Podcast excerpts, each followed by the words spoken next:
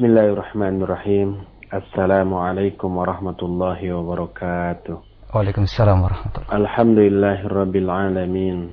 Wa bihi nasta'inu ala umuri dunya waddin. Wal 'aqibatu lil muttaqin. Wala 'udwana illa 'alal zalimin. Wa asyhadu an la ilaha illallah al-malikul haqqul mubin. وأشهد أن محمدا عبده ورسوله صادق وعد الأمين. والصلاة والسلام على أشرف الأنبياء والمرسلين وعلى آله وأصحابه أجمعين ومن تبعهم بإحسان إلى يوم الدين وبعد. فإن أصدق الحديث كتاب الله وخير الهدي هدي محمد صلى الله عليه وآله وسلم. وشر الأمور محدثاتها وكل محدثة بدعة وكل بدعة ضلالة وكل ضلالة في النار إخوتي في الله أعزكم الله termasuk juga para pendengar Radio Roja di mana saja Anda berada Alhamdulillah sore hari ini kita kembali berjumpa untuk melanjutkan kajian kitab Syarah Al-Usul Ats-Tsalatsah. Pertemuan terakhir kita sudah sampai pada pembahasan rukun iman yang kelima yaitu iman kepada hari akhir. Dan iman kepada hari akhir ini mencakup banyak poin.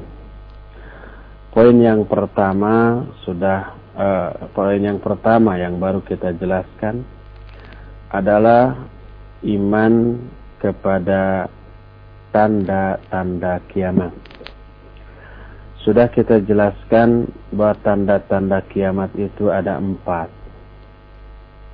Pertama tanda-tanda kecil yang sudah terjadi dan tidak akan terjadi lagi. Itu ada beberapa poin dan sudah kita jelaskan beberapa poin tentang masalah itu pada pertemuan kemarin. Yang kedua, inilah yang akan kita bahas, yaitu tanda-tanda kecil yang sudah terjadi dan masih terjadi sampai sekarang dan sampai beberapa waktu yang akan datang. Di antara tanda-tanda kecil bagi hari kiamat yang sudah terjadi dan masih tetap berlangsung dan akan tetap berlangsung sampai beberapa masa. Terkemudian adalah pertama khurujud dajjalin adiya'un nubuwah. Keluarnya para dajjal kecil para pendusta yang seluruhnya mengaku nabi. Kita katakan ini dajjal kecil karena ada dajjal besar nanti. Kalau dajjal besar bukan ngaku nabi, tapi ngaku Allah Subhanahu wa taala. Tapi kalau dajjal kecil cuma ngaku nabi. Mereka para pendus nabi-nabi palsu. Mereka berjumlah kira-kira 30 orang empat antaranya adalah para wanita. Dan para ulama menjelaskan bahwa yang dimaksud dengan para dajjal kecil yang mengaku nabi itu adalah mereka yang menebar fitnah dengan pengakuan nabinya lalu mempengaruhi orang banyak sehingga banyak orang yang mengikutinya dan menganggap benar terhadap kebatilan nabi palsu ini. Adapun kalau orang mengaku nabi tapi tidak dilirik oleh manusia di sekitarnya. Sehingga tidak ada yang mengikutinya kecuali hanya satu atau dua orang, maka mereka itu tidaklah dianggap. Dan yang seperti ini lebih banyak lagi. Dalam hadis yang diriwayatkan oleh Imam Bukhari dan Imam Muslim, diterima dari Abu Hurairah radhiyallahu an Rasul alaihi salatu wasallam bersabda, "La taqumu sa'atu hatta yub'atsa dajjalun kadzabun qaribun min salasin kullun yaz'umu annahu Rasulullah. Tidak akan terjadi hari kiamat sebelum munculnya dajjal-dajjal para pendusta kira-kira 30 orang semuanya mengaku bahwa dirinya itu Rasulullah atau utusan Allah. Jadi hadis sahih ini menjelaskan bahwa kiamat tidak akan terjadi sebelum munculnya para pengaku nabi-nabi palsu tadi. Dalam sahih Muslim diterima dari Thauban Rasul sallallahu alaihi wasallam menyatakan wa innahu sakunu fi ummati kadzabun thalathun kulluhum yaz'umu annahu nabiyyun wa ana khatamul anbiya la nabiyya ba'di Kata Nabi Shallallahu Alaihi Wasallam sesungguhnya akan muncul di kalangan umatku para pendusta berjumlah 30 orang. Seluruhnya mengaku bahwa dia itu nabi. Padahal akulah nabi penutup. Tidak ada lagi nabi setelah aku. Di dalam Musnad Ahmad serta kitab Mu'jamul Kabir At-Tabrani dengan sanad yang sahih diterima dari Hudzaifah Al-Yamani radhiyallahu anhu Rasul alaihi salatu wasallam bersabda fi ummat kadzabun wa dajjalun sab'atun wa ishrun minhum arba'atu niswah wa inni khatamun nabiyyin nabiyya ba'di. Di kalangan umatku akan ada para pendusta para dajjal. Seluruhnya berjumlah 27 orang Empat di antaranya adalah para wanita. Dan aku adalah nabi penutup. Tidak ada lagi nabi setelah aku. Banyak lagi hadis-hadis lain yang semakna. Yang menjelaskan bahwa sebelum terjadinya hari kiamat muncul terlebih dahulu para nabi palsu dan nabi-nabi palsu ini sudah muncul sejak lama dan sekarang masih tetap terus bermunculan. Di zaman para sahabat masih hidup, bahkan ketika Nabi SAW masih hidup pun, muncul orang yang ngaku Nabi. Dan memiliki pengikut, namanya Musailamah Al-Kadzab. Masih di zaman sahabat juga ada Nabi palsu yang namanya Al-Aswad Al-Anasi atau saja seorang kahinah. Di zaman tabi'in muncul juga Mukhtar As-Saqafi yang mengaku dirinya adalah nabi. Beberapa abad yang lalu muncul Hussein bin Ali bin Mirza Abbas di Iran yang mengaku nabi.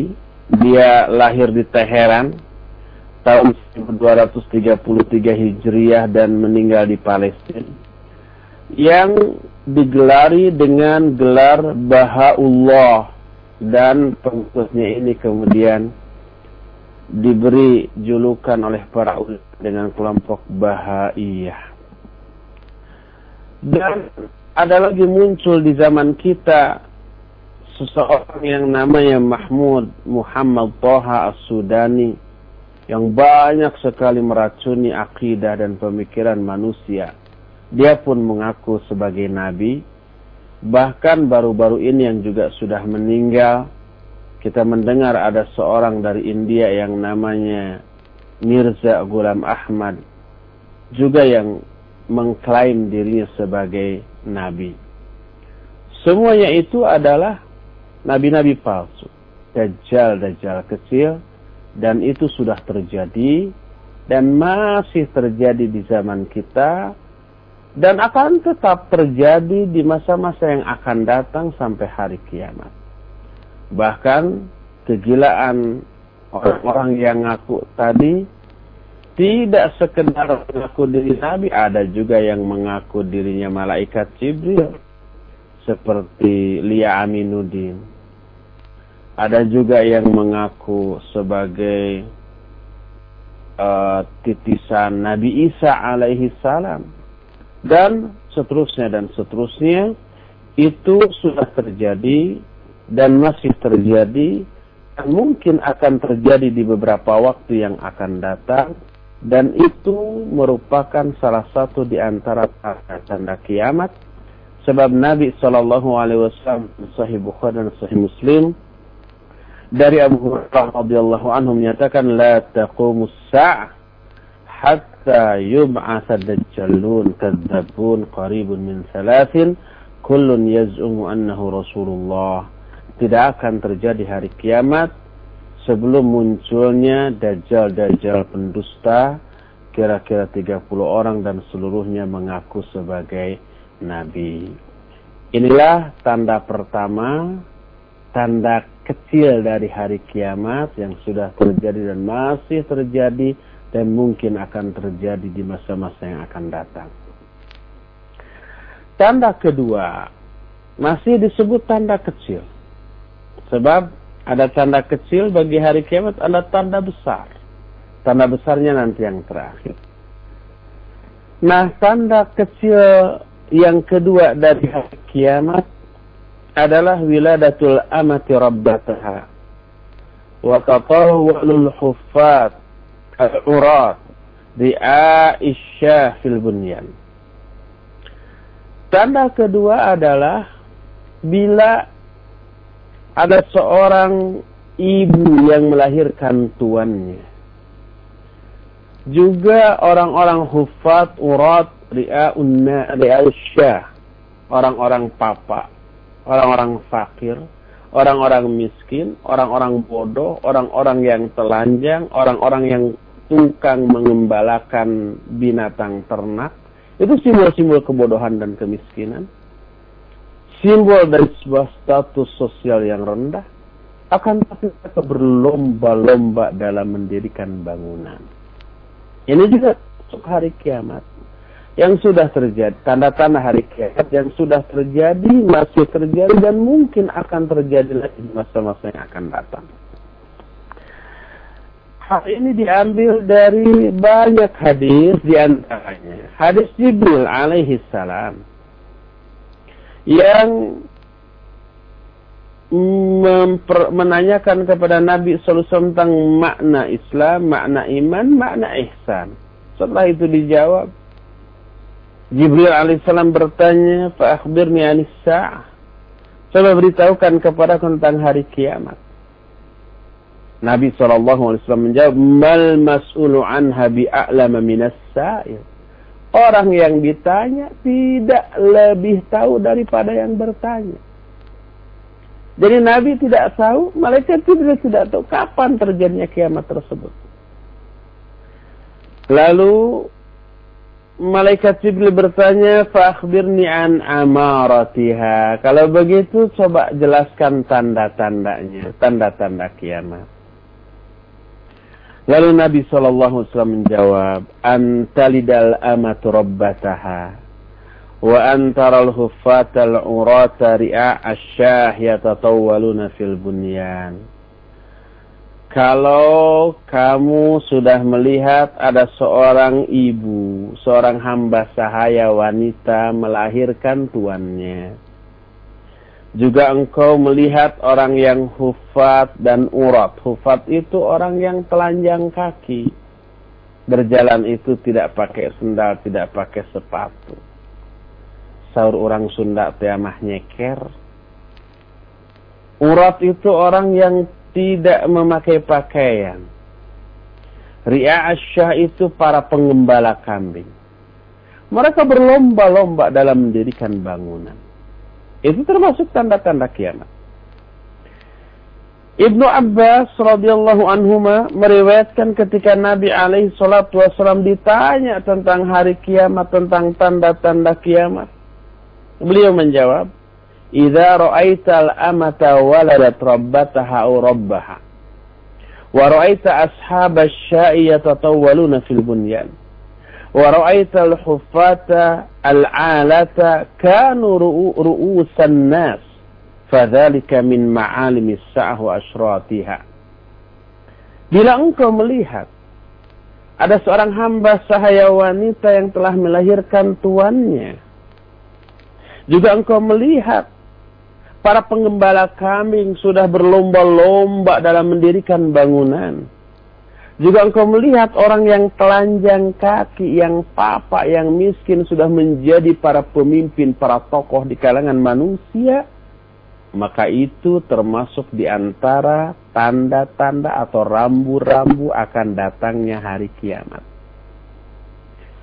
Ada orang yang bertanya, Ya Rasulullah, wa man ashabu syah wal huffat, wal juya, wal ala, Wahai Rasulullah siapa? Yang kau maksud dengan para pengembala kambing, orang yang telanjang kaki, orang yang kelaparan, orang yang papa dalam hadis tadi? Nabi Ali Shallallahu Wasallam menjawab, Al-Arab, orang Arab. Hadis ini dikeluarkan oleh Imam Ahmad dalam kitab Musnadnya dan Syekh Muhammad Nasir al-Albani rahimahullah telah menjelaskan sanad lengkap dari hadis ini beliau menyatakan wa hadza isnadun la ba'sa fihi fi syawahid. Kata beliau sanad hadis ini tidak apa-apa karena adanya syawahid atau riwayat pendukung terhadap hadis ini. Ini beliau jelaskan di dalam silsilah al-hadis as-sahihah juz yang ketiga berkata Imam Ibn Rajab Al-Hambali rahimahullahu taala ketika mentalik atau mengomentari hadis ini.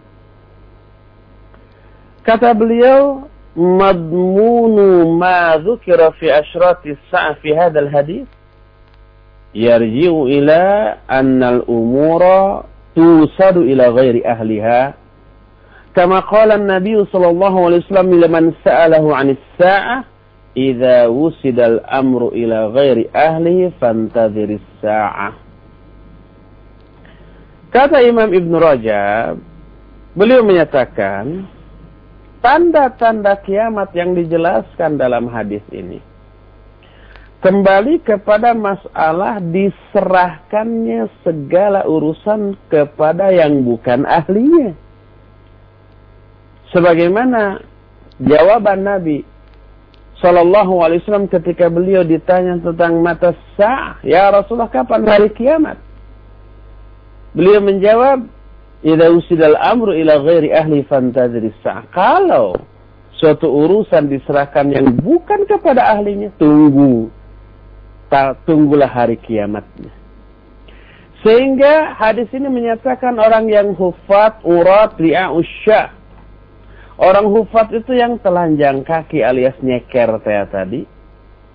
Yang telanjang badan, yang mengembalakan kambing mereka jahli wal jufa.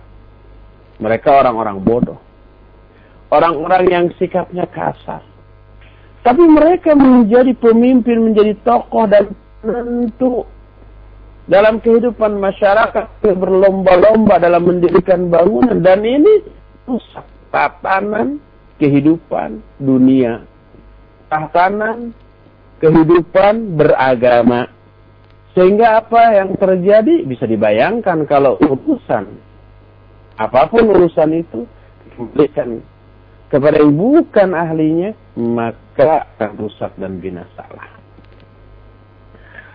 Apa pun yang dimaksud dengan kalau ada seorang hamba sahaya wanita telah melahirkan tuannya ada beberapa makna yang dijelaskan oleh para ulama tentang masalah ini.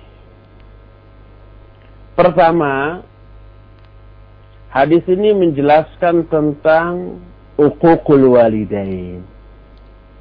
Menyakiti atau durhaka kepada kedua orang tua, terutama kepada ibu. Ibunya dianggap babu Ibunya itu dianggap pesuruh.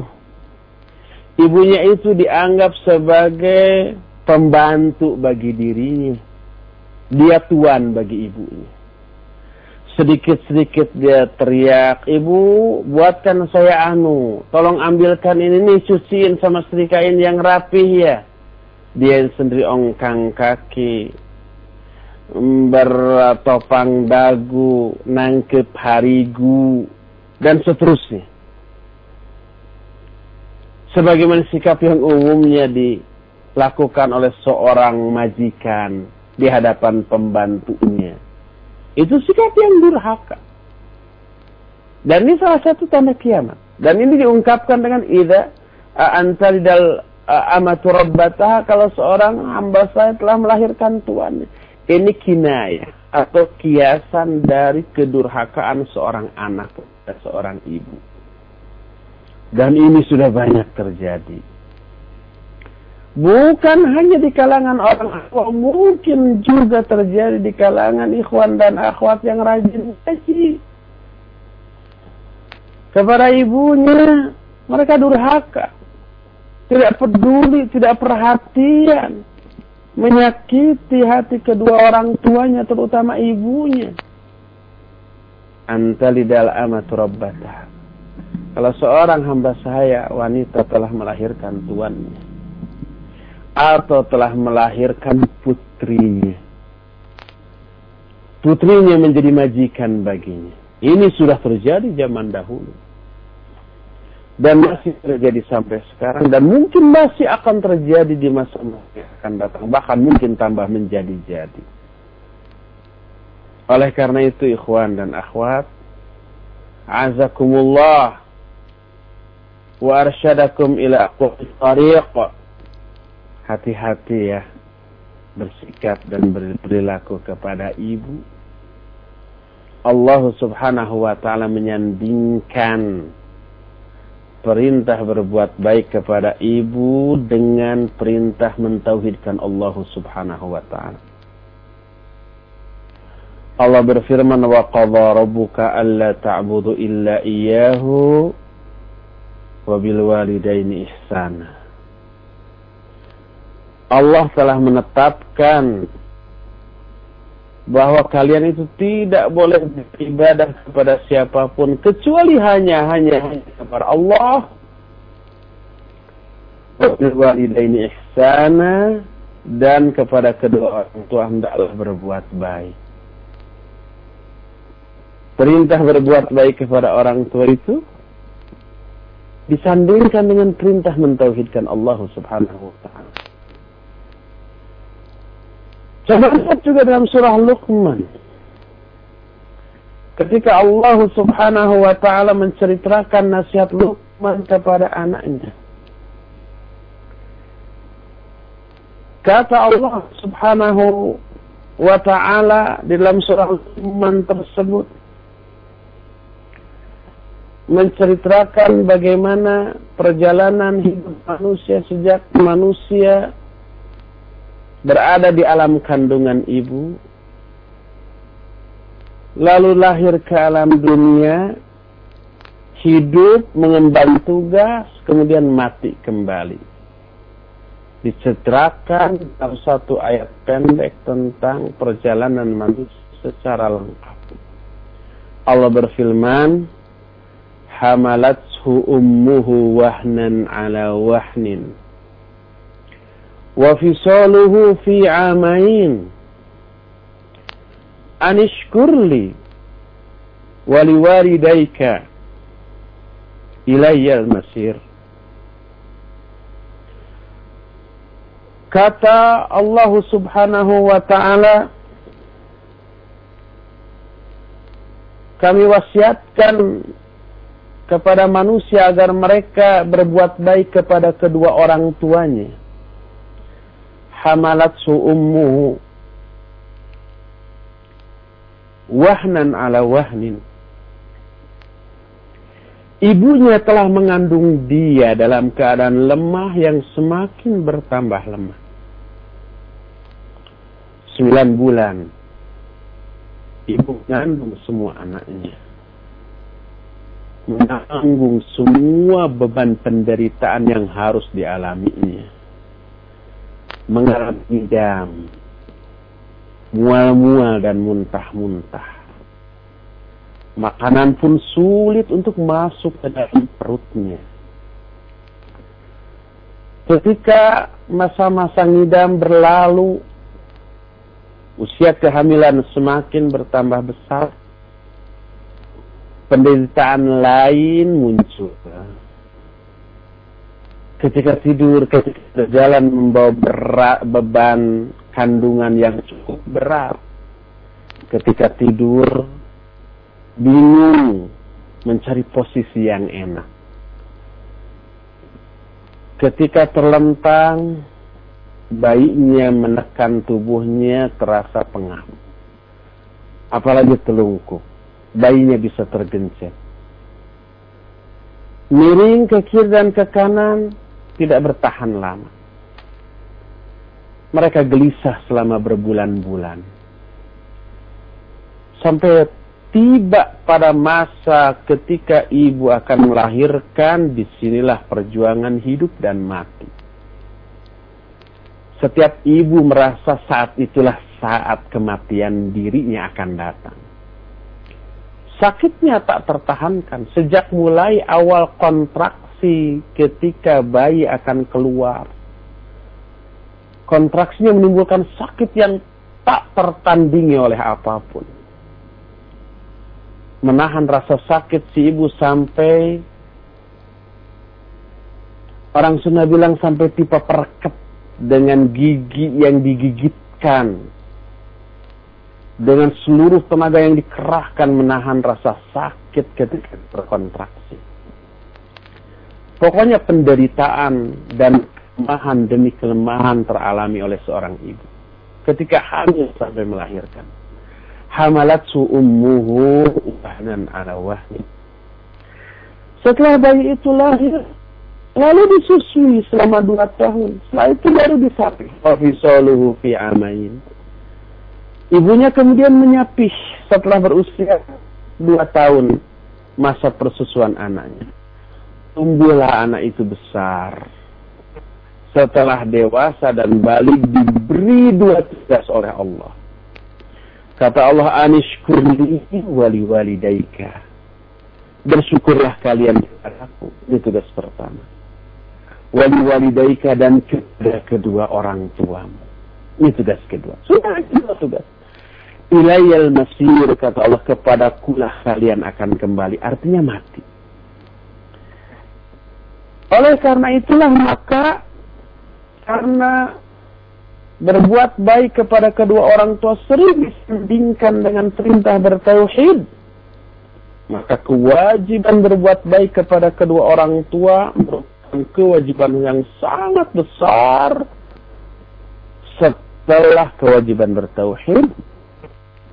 Otomatis dosa yang besar kedua setelah pelanggaran terhadap tauhid berbuat syirik adalah dosa menyakiti kedua orang tua. Nabi Sallallahu Alaihi Wasallam bersabda, "Ala unabbiukum bi akbaril kabair." Mau nggak kalian aku beritahukan tentang dosa-dosa besar? Para sahabat menjawab, "Bala ya Rasulullah." Mau wahai Rasulullah. Beliau kemudian menyatakan al-isyraku billah. Uququl walidain.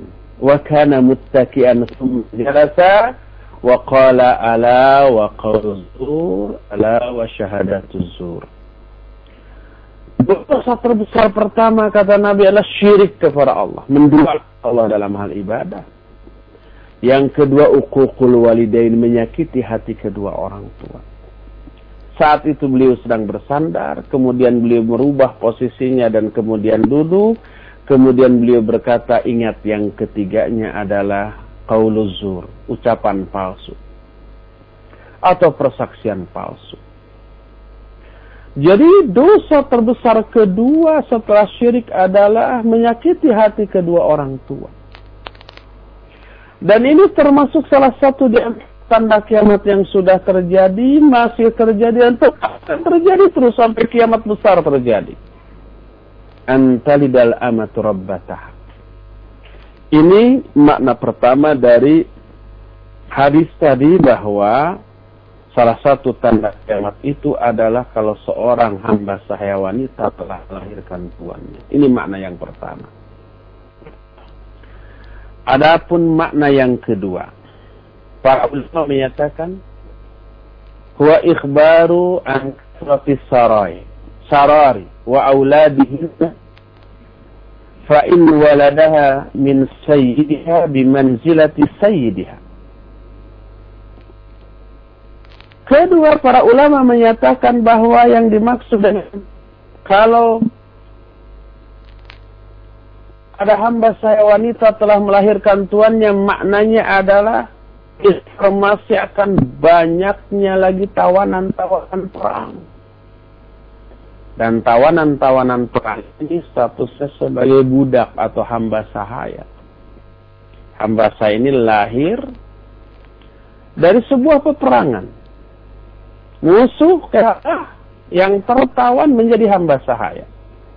Menjadi dan status hamba saya menjadi milik mutlak tuannya. Mau di apa-apakan pun boleh. Terus perang. Termasuk hamba saya wanita karena dia sudah menjadi milik bagi tuannya. Mau diapa-apakan pun sama tuannya boleh dan halal. Termasuk mau digauli pun boleh. Dan ini ketetapan Al-Quranul Karim. Lihat umpah surah Al-Mu'minun.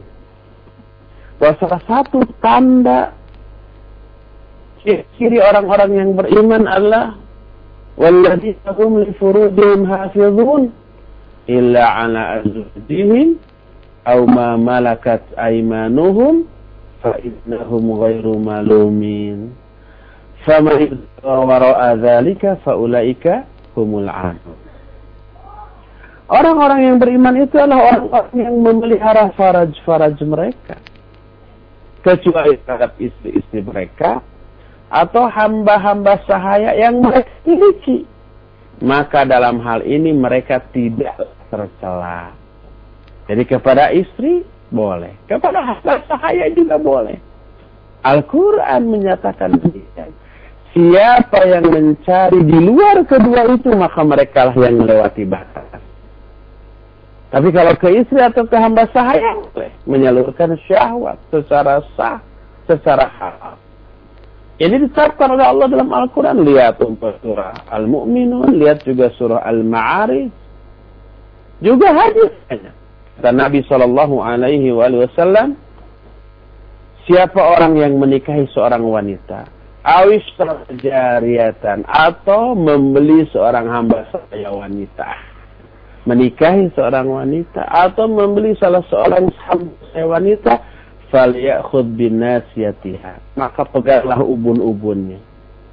Ubun-ubun kita yang baru kita nikahi. Atau ubun-ubun hamba saya wanita yang baru kita lalu hendaklah berdoa Allahumma inni as'aluka min khairiha wa khairi ma jabataha alaihi wa a'udzu bika min syarriha wa syarri ma jabataha alaihi Ya Allah, sungguhnya aku memohon kepadamu kebaikan wanita ini dan kebaikan apa-apa yang telah engkau tetapkan bagi wanita ini.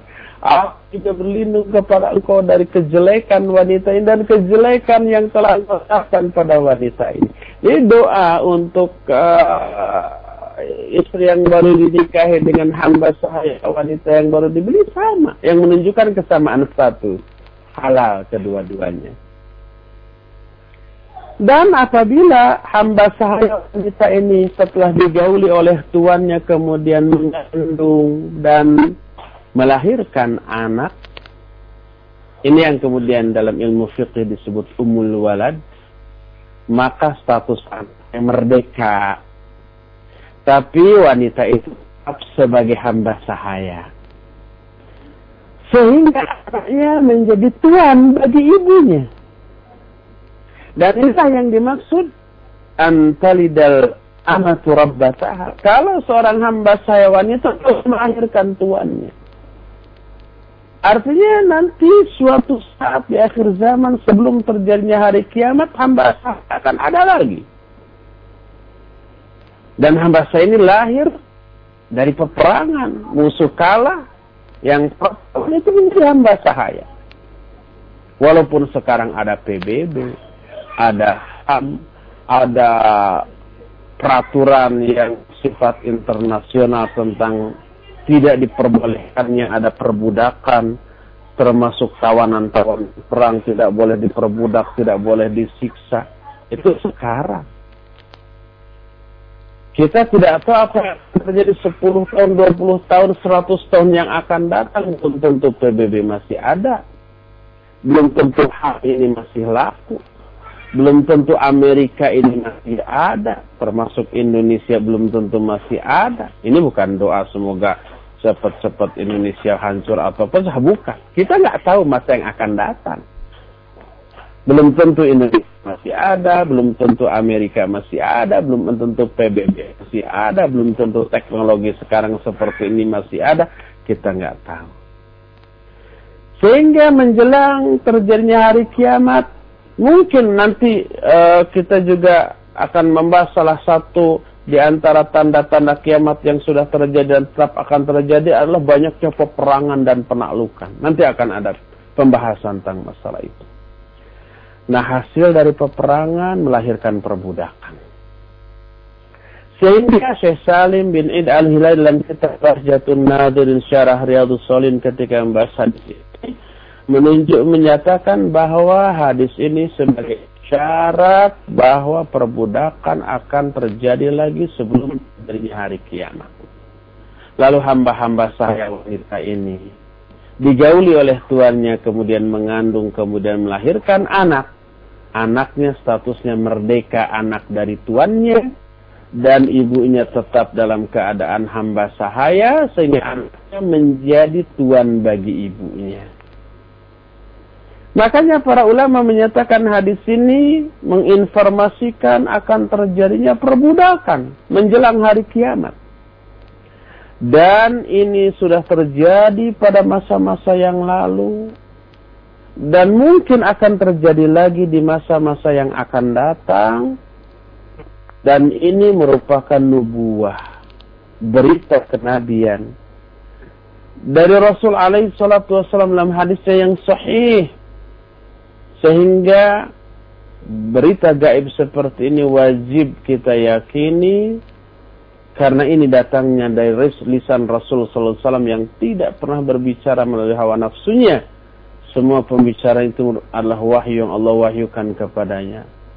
An-Najm menyatakan wa ma yantiku 'anil hawa in huwa illa wahyu yuha. Dalam surah An-Najm Allah berfirman Wa ma hawa. Beliau tidak pernah berbicara dari hawa nafsu. In huwa illa wahyuha. Semua pembicaranya itu tiada lain kecuali wahyu wahyukan kepadanya. Alimul ghaibi. Wa la yudhiru ala ghaibihi ahada illa man irtada min rasulin. Allah lah yang mengetahui yang gaib dan tidak ada seorang pun yang mengetahui yang diberitahu tentang hal yang gaib itu oleh Allah kecuali Rasul yang diridhoinya.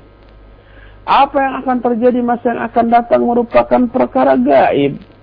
Yang tidak ada seorang pun yang mengetahuinya kecuali Allah. Lalu Allah hanya memberitahukan hal itu kepada Rasul yang diridhoinya. Dan salah satunya adalah Nabi Muhammad Sallallahu Alaihi Wasallam. Termasuk salah satu berita gaib yang beliau ungkapkan kepada kita adalah antalidal amatu rabbataha. Nanti menjelang hari kiamat akan ada hamba sahaya wanita akan melahirkan tuannya. Inilah tanda kecil dari kiamat, dari hari kiamat yang sudah terjadi dan mungkin akan terjadi lagi di masa-masa yang akan datang. Inilah yang kedua.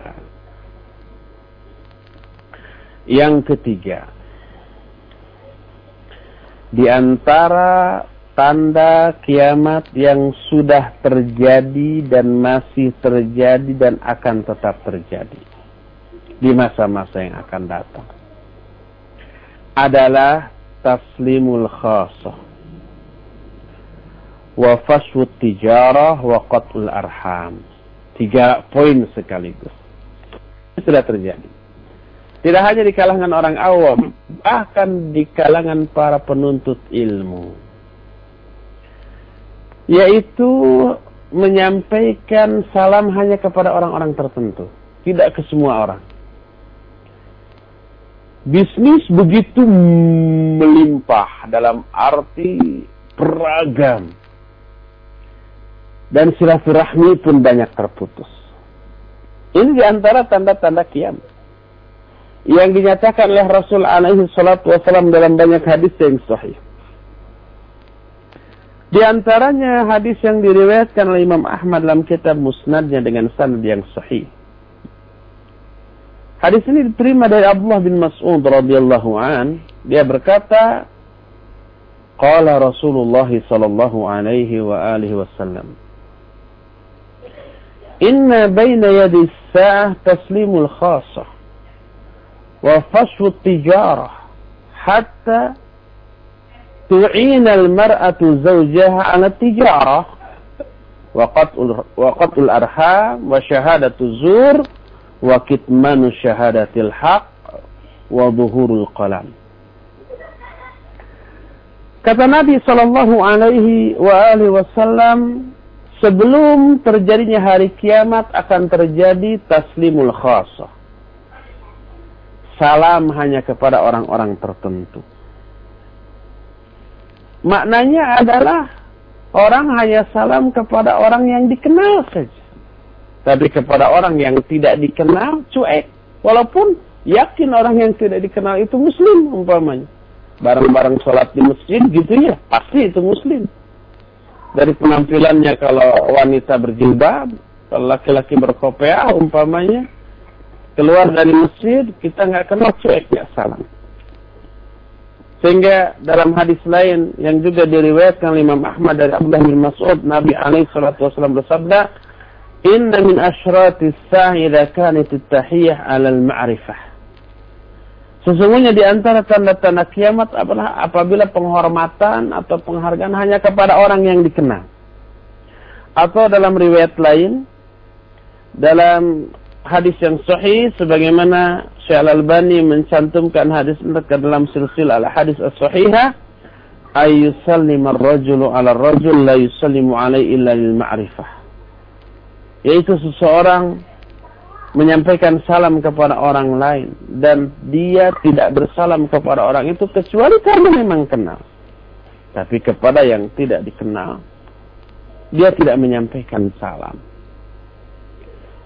Apa ini sudah terjadi belum? Sudah. Sejak lama mungkin. Apa masih terjadi? Masih. Seolah-olah kita pun turut melestarikan tanda ini. Ya. Kita kan tidak menyampaikan salam kepada orang yang tidak kita kenal. Bahkan lebih parahnya lagi kepada orang yang dikenal. Bahwa dia muslim, tetangga, teman dekat, salam, hei apa kabar? How? Tidak assalamualaikum dulu. Ini banyak terjadi. Kedua, wa fasfu tijarah hatta tu'ina al-mar'atu zawjaha ala tijarah Kedua, berkembang bisnis, perniagaan, perdagangan.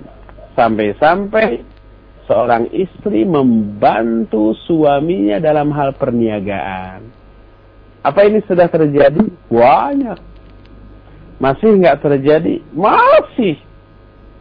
Apa hanya di kalangan orang awam? Tidak. Di kalangan para tulabul ilm, ihwan ahwat yang uh, sering mengikuti kajian juga, oh masih terjadi. Coba para pendengar radio Roja atau ikhwan-ikhwan, akhwat di mana saja.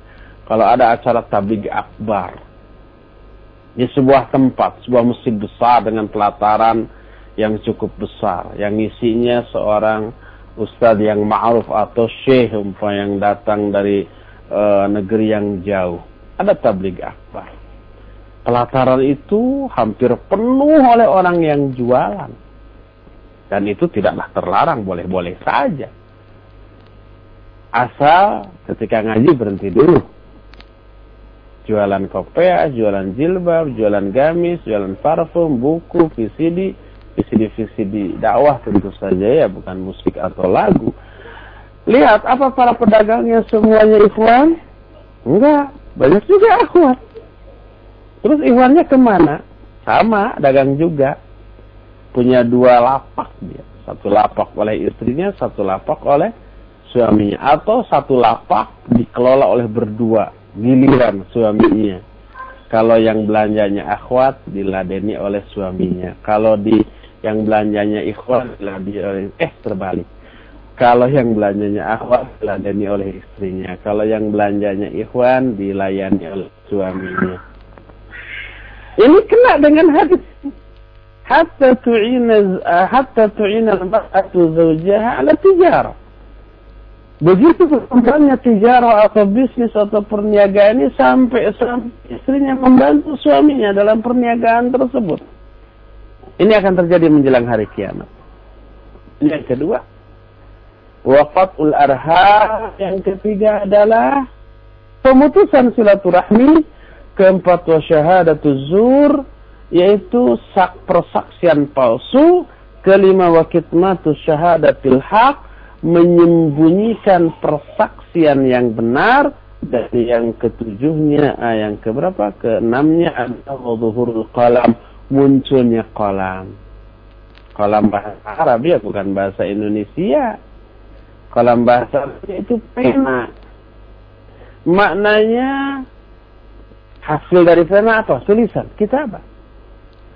Kita atau hasil tulisan orang begitu itu mendominasi. Sampai menjadi bagian dari bisnis. Terbitlah media cetak, koran, majalah, tabloid,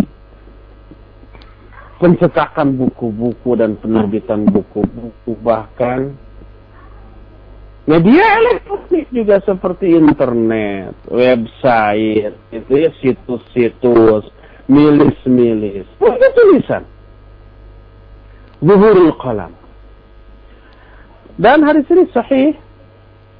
Syekh Al-Albani rahimahullah mencantumkan hadis ini di dalam silsilah al-hadis as-sahih juz yang pertama halaman 250 hadis nomor 647 dengan sanad yang sahih.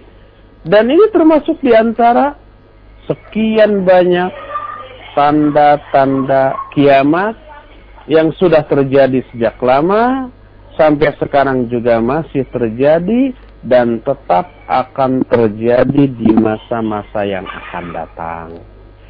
Inilah tanda yang ketiga dari tanda kecil bagi kiamat besar.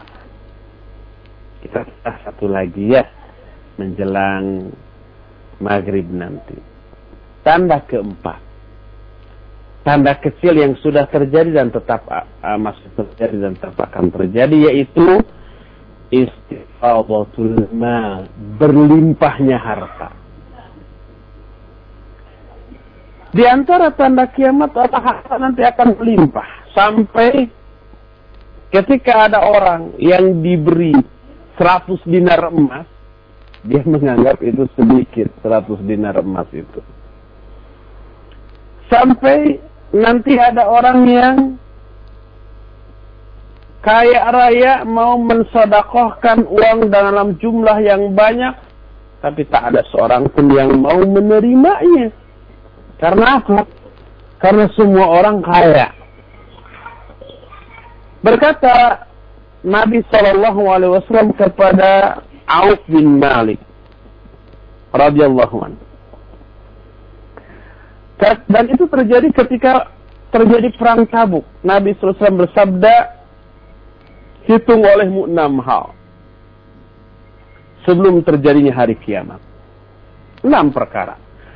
Salah satu di antaranya beliau menyatakan istifadatul mal hatta yu'tiyar rajulu mi'ata dinar fayadhillu sakhita. Sehingga ada seseorang yang memberikan uang sebanyak 100 dinar, tapi yang diberi itu malah marah. Bukannya senang. Kalau sekarang jangankan 100 dinar. Dinar itu uang emas loh. Satu dinar itu kira-kira lebih dari 4 gram emas. Satu gram aja sekarang ini 250 ribu. Kalau 4 gram emas sudah sejuta, sejuta lebih. Ini seratus dinar. Hadis ini sahih diriwayatkan oleh Imam Al-Bukhari dalam kitab sahihnya. Dalam Sahih Muslim, hadis yang diriwayatkan oleh Imam oleh, uh, dari Abu Hurairah radhiyallahu an, Nabi alaihi salatu wasallam bersabda, "La taqumus sa'atu hatta yaqtura fikumul ma."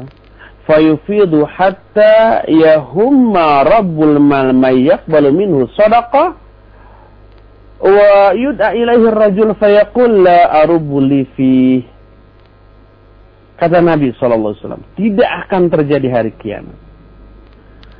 Sebelum harta di kalangan kalian itu melimpah. Sampai-sampai seorang pemilik harta berharap ada orang yang mau menerima sodakohnya. Lalu dipanggillah seseorang untuk menerima harta itu tapi dia menjawablah arubuli fihi aku tidak punya minat tidak mau menerima pemberian ini. Hadis ini sahih diriwayatkan oleh Imam Muslim. Dan ini akan terjadi dan sudah terjadi. Ini terjadi pada waktu zaman pemerintahan Umar bin Abdul Aziz radhiyallahu anhu sampai-sampai diriwayatkan oleh Abdurrahman bin Zaid bin Khattab dia menyatakan wallahi ma mata Umar bin Abdul Aziz hatta ja'ala ar-rajulu ya'tina bil malil azim fayaqulu ij'alu hadha haythu tarawna fil fuqara fama yabrahu hatta yarji'a bimalih demi Allah tidaklah Umar bin Abdul Aziz meninggal sehingga ada orang yang datang kepada kami dengan membawa harta yang banyak. Orang itu mengatakan, coba salurkan uang ini kepada orang-orang fakir yang engkau pandang fakir miskin. Tapi ditawarkan kepada semua orang itu tidak ada yang menerima sampai harta ini kembali ke pemiliknya yang awal. Saat itu tidak ada seorang pun yang fakir dan yang miskin di zaman pemerintahan Umar bin Abdul Aziz radhiyallahu an. Apa ini? Ini sudah terjadi.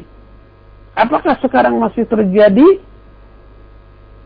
Bahwa melimpahnya harta di sebagian orang, ya masih terjadi, tapi di sebagian yang lain pasti masih yang kekurangan amat sangat banyak. Tetapi kalau sekarang ada orang menawarkan nih siapa yang mau uang 100 juta, oh 5 menit juga habis orang-orang berbondong-bondong dan berebut menginginkannya ya. Jangankan 100 juta, 100 miliar pun pasti akan habis.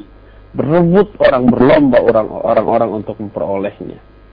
Tapi ini suatu saat akan kejadian kembali. Ikhwati fillah termasuk para pendengar radio Roja yang dimuliakan oleh Allah. Kita cukupkan dulu sampai di sini membahas tanda-tanda kiamat yang sudah terjadi dan masih tetap terjadi. Dan tanda-tanda lain tentang masalah, masalah ini masih banyak. Insya Allah akan kita lanjutkan di hari Jumat yang akan datang. Untuk sekarang uh, waktunya tidak memungkinkan untuk kita lanjutkan. Dan sisa waktu yang ada sekarang kita akan gunakan untuk tanya jawab dan saya uh, serahkan pengaturan tanya jawab ini kepada Fawas pengatur nah. Alhamdulillah.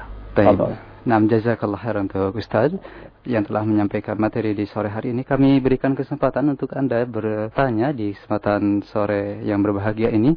Baik Ustaz, kami angkat pertanyaan dari penelpon saja di kesempatan yang pertama. Nah, ya Assalamualaikum. Waalaikumsalam warahmatullahi Dengan siapa dari mana? Uh, dengan Maulana nih. Iya, di mana Pak? Di di, di Bekasi. Silakan Pak Maulana. Uh, mau nanya nih, uh, kalau caranya berbakti kepada orang tua, tapi orang tuanya sudah meninggal gitu, yang ibu, terus bagaimana ya? Iya. Uh, terus uh, kalau gimana kalau dengan ya ibu tiri gitu? Mm-hmm. Apa kita berbakti juga? Gitu iya. Kedudukannya Pak ya, sama atau tidak begitu Pak ya? Baik. Terima kasih. Waalaikumsalam warahmatullahi wabarakatuh. Taib, silakan Ustaz. Iya, kepada Bapak Maulana nah. yang menanyakan bagaimana cara berbakti kepada ibu yang sudah meninggal. Pertama, bila ibu itu sebelum meninggalnya ada wasiat, laksanakan dulu semua wasiatnya. Selama wasiatnya tersebut tidak bertentangan dengan syariat. Sebatas wasiat yang mubah, apalagi yang sunnah yang afdol, maka laksanakan ini yang pertama. Yang kedua kalau ibu itu masih punya hutang sebelum meninggal, lunasi terlebih dahulu hutang-hutangnya. Baik hutang kepada sama manusia ataupun hutang kepada Allah umpamanya berupa saum. Man mata wa alaihi saum falyasumhu alaihi waliyuhu. Siapa orang yang meninggal tapi dia masih memiliki hutang saum. Hendaklah walinya atau ahli warisnya itu membayarkan saumnya untuknya. Saum Ramadan maksudnya ya. Ini yang kedua. Yang ketiga, banyak-banyaklah kita mendoakan bagi ibu kita. Memintakan ampun, memintakan rahmat, memintakan eh, kebaikan-kebaikan pahala bagi ibu. Kemudian banyak-banyaklah kita beramal soleh. Banyak-banyaklah kita juga bersodakoh atas nama ibu kita. Dan itu insya Allah akan bisa mempengaruhi nasib ibu kita di alam barzakh nanti. Ini yang ketiga. Yang keempat, bersilaturahmi dan tetap menjaga hubungan baik dengan sahabat-sahabat dari ibu kita. Ibu kita mungkin dulu memiliki orang-orang dekat. Orang-orang yang disayangi, orang-orang yang diperhatikan, dipedulikan orang-orang yang betul-betul mendapatkan curahan perhatian dari ibu.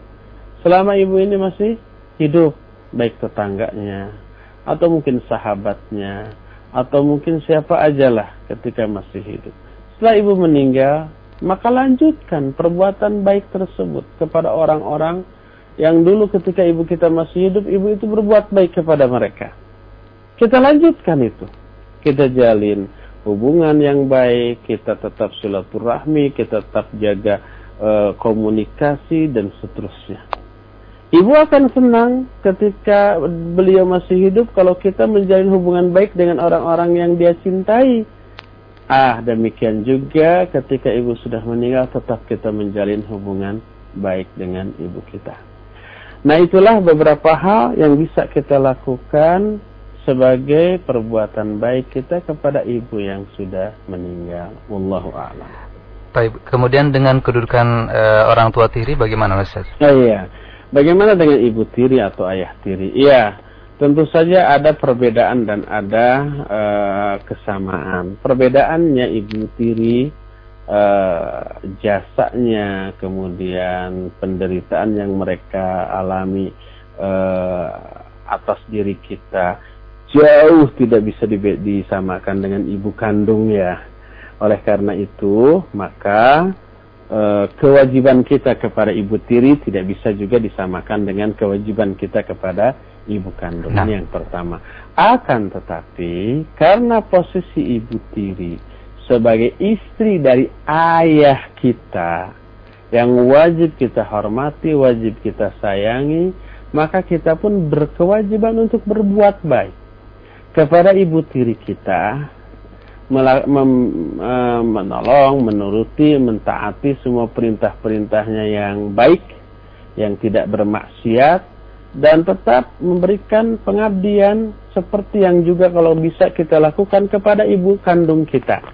Sekalipun kadar kewajibannya berbeda dan apabila terjadi pelanggaran terhadap ibu ibu tiri, kadar dosanya berbeda dengan kadar dosa durhaka kepada hmm ibu kandung sendiri. Tapi tetap wajib dihormati dan kita tetap berdosa kalau kita e, menyakitinya sekalipun kadar kewajiban berbaktinya dan kadar dosanya apabila kita durhaka tetap berbeda kadarnya tapi sama dalam hal dosanya dan sama dalam hal kewajiban berbaktinya yang membedakanlah kadar dari kewajiban dan kadar dari dosa apabila kita durhaka. Wallahu a'lam. Nah, e, selanjutnya ada Ibu Indri di Bekasi yang sudah menunggu tadi kita angkat kembali. Silakan. Assalamualaikum. Waalaikumsalam Pak, Pak Ustaz. Ya, silakan ya. Mau tanya, saya ini kan e, mualaf dulunya. E, ya. Orang tua saya yang ibu sudah meninggal. Saya kadang-kadang kepingin mendoakan, tapi kan tidak boleh. Bagaimana? Meninggal dalam ka keadaan dalam kafir bu ya? Belum, belum dalam keadaan non Muslim iya, ya. Saya iya. yang masuk Islamnya. Terus saya bagaimana menyikapi ini? Kadang-kadang suka sedih Ustadz kalau saya sholat ingat orang tua nggak bisa mendoakan jalan yang terbaik gimana? Iya. Baik. Ya, begitu terima aja. Kasih, terima kasih banyak ya. Nah, nah, Assalamualaikum. Ya. Waalaikumsalam warahmatullahi wabarakatuh. Silakan. Ya. Sebenarnya ibu senasib dengan Nabi Muhammad Shallallahu Alaihi Wasallam.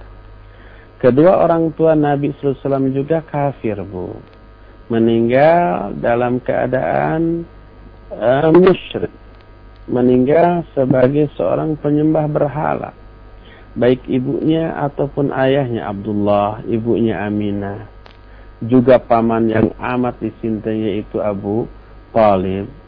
Semua itu orang-orang yang dicintai, orang tua orang tua yang banyak biasanya.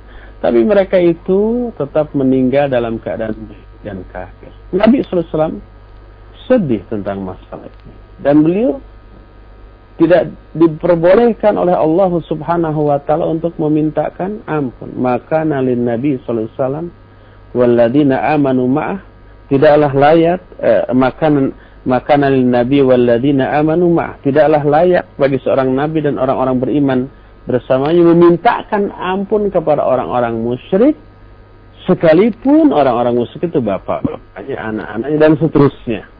Tetap tidak boleh. Lalu uh, apakah kita harus bersedih? Kesedihan yang dialami itu pasti bu ya, karena kita memiliki rasa cinta tobi ya. Cinta tobi itu cinta uh, yang memang uh, didasarkan kepada insting kita sebagai anak kepada orang tua ada dan mengetahui serta yakini orang tua mati dalam keadaan non muslim lalu uh, akan terkena dengan azab Allah itu tentu saja akan membuat uh, kita bersedih dalam hal itu. Tetapi satu hal yang harus kita syukuri alhamdulillah kita tidak seperti orang tua kita.